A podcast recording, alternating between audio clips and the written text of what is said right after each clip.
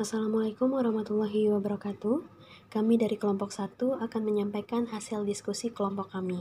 Sebelumnya, perkenankan saya untuk memperkenalkan anggota dari kelompok 1. Yang pertama, saya sendiri Prima Amelia. Yang kedua, Beni Daniel Simanjuntak. Yang ketiga, Dalmira Wahyuningsih. Yang keempat, Ira Latifani. Yang kelima, Kartika Azana Putri. Yang keenam, Mona Lisa. Baiklah, kita langsung saja masuk pada kasus etika bisnis PT Perusahaan Listrik Negara atau PT PLN. PT PLN merupakan badan usaha milik negara yang diberikan mandat untuk menyediakan kebutuhan listrik di Indonesia. Seharusnya sudah menjadi kewajiban bagi PT PLN untuk memenuhi itu semua. Namun pada kenyataannya masih banyak kasus di mana mereka merugikan masyarakat PT PLN adalah perusahaan pemerintah yang bergerak di bidang pengadaan listrik nasional. Hingga saat ini, PT PLN masih merupakan satu-satunya perusahaan listrik sekaligus pendistribusiannya. Fungsi PT PLN sebagai pembangkit, distribusi, dan transmisi listrik mulai dipecah. Swasta diizinkan berpartisipasi dalam upaya pembangkitan tenaga listrik Sementara untuk pendistribusian dan transmisi tetap ditangani PT PLN. Saat ini telah ada 20 independent power producer di Indonesia. Mereka termasuk Siemens, General Electric, Enron, Mitsubishi, Californian Energy, Edison Mission Energy, Mitsui Co, Black and Fit International, Duke Energy, Hopewell Holding, dan masih banyak lagi. Tetapi dalam menentukan harga listrik yang harus dibayar, masyarakat tetap ditentukan oleh PT PLN sendiri. Krisis listrik memuncak saat PT PLN memperlakukan pemadaman listrik secara bergilir di berbagai wilayah termasuk Jakarta dan sekitarnya. Hal ini diperparah oleh pengalihan jam operasional kerja industri ke hari Sabtu dan Minggu, sekali sebulan. Semua industri di Jawa Bali wajib menaati dan sanksi bakal dikenakan bagi industri yang membandel. Dengan alasan PT PLN berdalih pemadaman dilakukan akibat defisit dan daya listrik yang semakin parah. Karena adanya gangguan pasokan batu bara pembangkit utama di sistem kelistrikan Jawa Bali, yaitu di pembangkit Tanjung Pati, Python Unit 1 dan 2, serta Cilacap. Namun di saat Bersamaan, terjadi juga permasalahan serupa untuk pembangkit berbahan bakar minyak atau BBM di PLTUG Muara Tawar dan PLTUG Muara Karang. Dalam hal ini, PT PLN sudah seharusnya dapat memenuhi kebutuhan listrik bagi masyarakat dan mendistribusikannya secara merata. Usaha PT PLN termasuk ke dalam jenis monopoli murni, Hal ini ditunjukkan karena PT PLN merupakan penjual ataupun produsen tunggal, produk yang unik dan tanpa barang pengganti yang dekat, serta kemampuannya untuk menerapkan harga berapapun yang mereka kehendaki. Kasus ini menjadi menarik karena di satu sisi kegiatan monopoli mereka dimasukkan untuk kepentingan mayoritas masyarakat dan sebesar-besarnya kemakmuran rakyat sesuai Undang-Undang Dasar 1945 Pasal 33. Namun di sisi lain tindakan PT PLN justru belum atau bahkan tidak menunjukkan kinerja yang baik dalam pemenuhan kebutuhan listrik masyarakat. Dikarenakan PT PLN memonopoli kelistrikan nasional, kebutuhan listrik masyarakat sangat bergantung pada PT PLN. Tetapi mereka sendiri tidak mampu secara merata dan adil memenuhi kebutuhan listrik masyarakat. Hal ini ditunjukkan dengan banyaknya daerah-daerah yang kebutuhan listriknya belum terpenuhi dan juga sering terjadi pemadaman listrik secara sepihak. Sebagaimana contoh di atas, kejadian ini menyebabkan kerugian yang tidak sedikit bagi masyarakat dan investor menjadi enggan untuk berinvestasi sehingga dapat disimpulkan bahwa monopoli pengaturan, penyelenggaraan, penggunaan, persediaan dan pemeliharaan sumber daya alam serta pengaturan hubungan hukumnya adalah pada negara. Pasal 33 mengamanatkan bahwa perekonomian Indonesia akan ditopang oleh tiga pemain utama, yaitu koperasi, BUMN atau BUMD, dan swasta yang akan mewujudkan demokrasi ekonomi yang bercirikan mekanisme pasar serta intervensi pemerintah serta pengakuan terhadap milik perseorangan. Penafsiran dari kalimat dikuasai oleh negara dalam ayat 2 dan 3 tidak selalu dalam bentuk kepemilikan, tetapi utamanya dalam bentuk kemampuan untuk melakukan kontrol dan pengaturan serta memberikan pengaruh agar perusahaan tetap berpegang pada asas kepentingan mayoritas masyarakat dan sebesar-besarnya kemakmuran rakyat.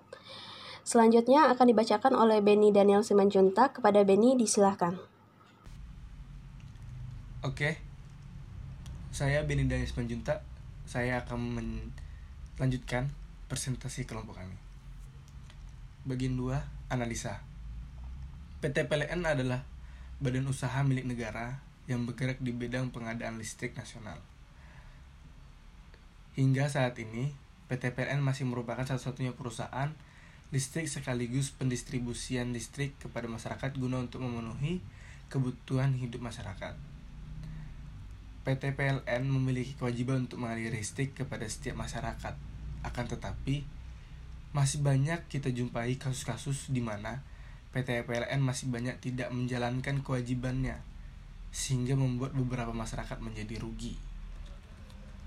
Kasus ini menjadi menarik karena kegiatan monopoli mereka dimaksud untuk kepentingan mayoritas masyarakat dan sebesar-besarnya kemakmuran rakyat sesuai dengan Undang-Undang tahun 1945 pasal 33 namun di sisi lain, tindakan PLN justru belum belum atau bahkan tidak menunjukkan kinerja yang baik dalam pemenuhan kebutuhan listrik masyarakat sehingga membuat beberapa masyarakat mengalami kerugian.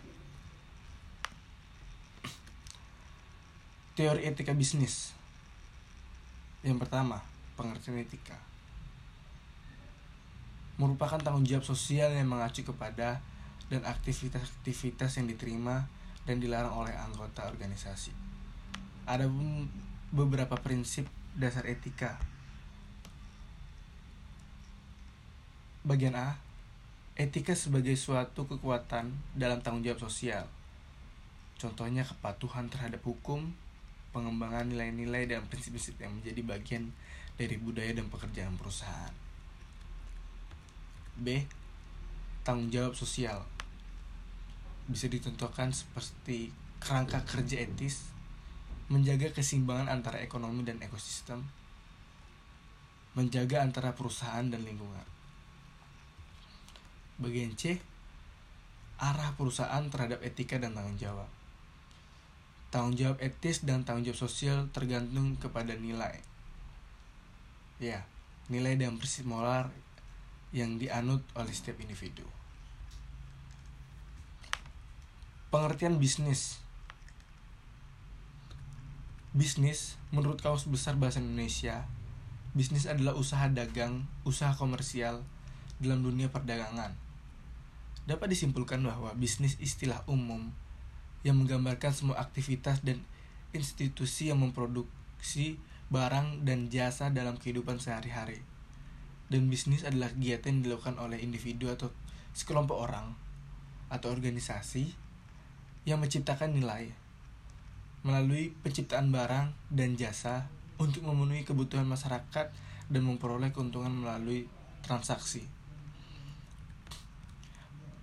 Ada beberapa prinsip-prinsip etika bisnis. Yang pertama, atau bagian A, memiliki kejujuran saat berkomunikasi dan bersikap. Ketika membangun suatu bisnis, diperlukan kejujuran saat berkomunikasi maupun bersikap dengan mitra kerja dan juga konsumen. Sehingga usaha yang di, diinginkan akan semakin dipercaya. B. Selalu memenuhi janji dan komitmen. Pembisnis yang baik harus selalu memenuhi sikap janji dan selalu berkomitmen dalam menjalankan usaha bisnisnya. C. Memiliki integritas. Jadi maksudnya ini dalam berbisnis atau menjalankan usaha maka diperlukan konsistensi pada pemikiran ucapan maupun perbuatan. Memiliki loyalitas. Lalu yang terpenting dalam berbisnis ya ini memiliki loyalitas yang tinggi terhadap bisnis yang dijalankan. Loyalitas dapat dilihat dari kerja keras dan keseriusan dalam menjalani bisnis. bekerja sesuai dengan visi misi, serta, serta tidak mencampur aduk urusan pekerjaan dengan urusan pribadi. Adapun faktor penyebab perusahaan tidak menerapkan etika dalam bisnisnya. Berbagai penyebab atau permasalahan etika bisnis di dalam perusahaan dapat muncul dalam berbagai macam alasan dan berbagai macam bentuk seperti mengejar keuntungan atau kepentingan pribadi, tekanan pesaing terhadap laba, pertentangan antara nilai dan perusahaan.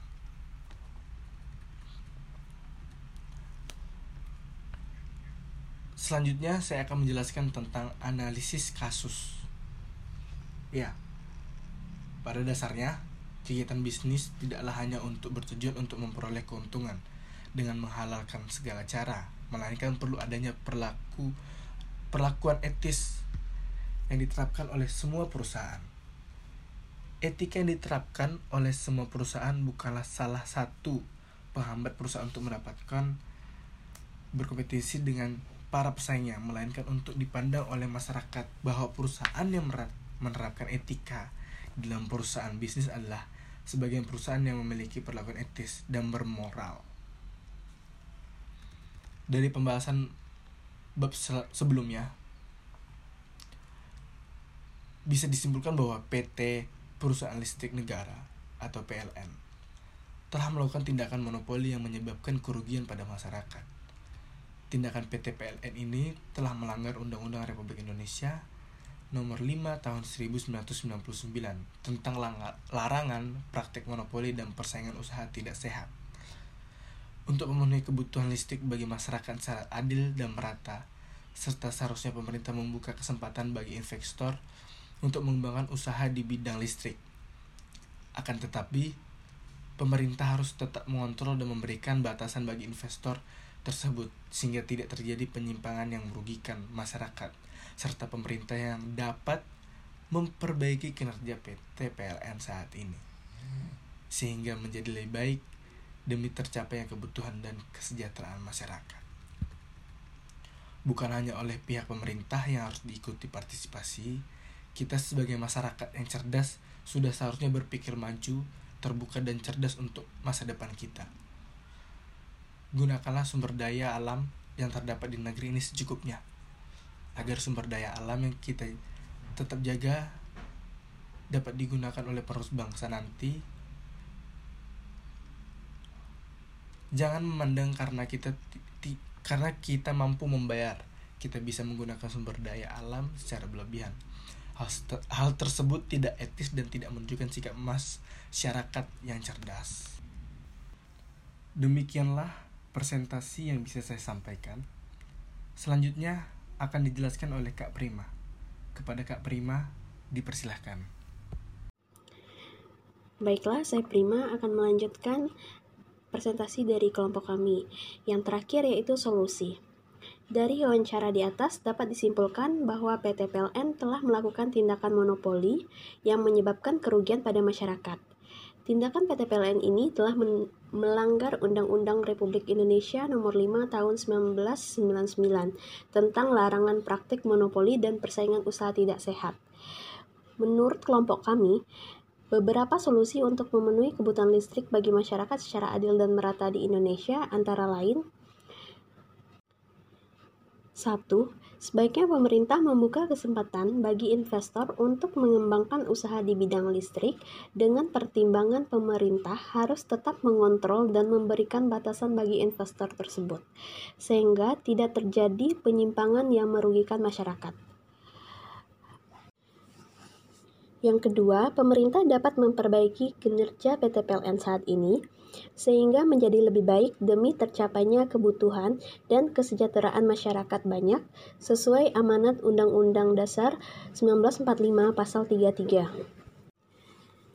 Selanjutnya yang ketiga, selain daripada itu, bukan hanya pihak pemerintahan yang harus berpartisipasi. Kita sebagai masyarakat yang cerdas sudah seharusnya berpikir terbuka dan cerdas untuk masa depan. Gunakanlah sumber daya alam yang terdapat di negeri ini secukupnya, agar sumber daya alam kita tetap terjaga. sehingga penerus bangsa nanti bisa merasakan sumber daya alam yang sama. Demikianlah hasil presentasi dari kelompok kami. Terlebih terkurang mohon maaf. Wabillahi taufiq walhidayah. Assalamualaikum warahmatullahi wabarakatuh.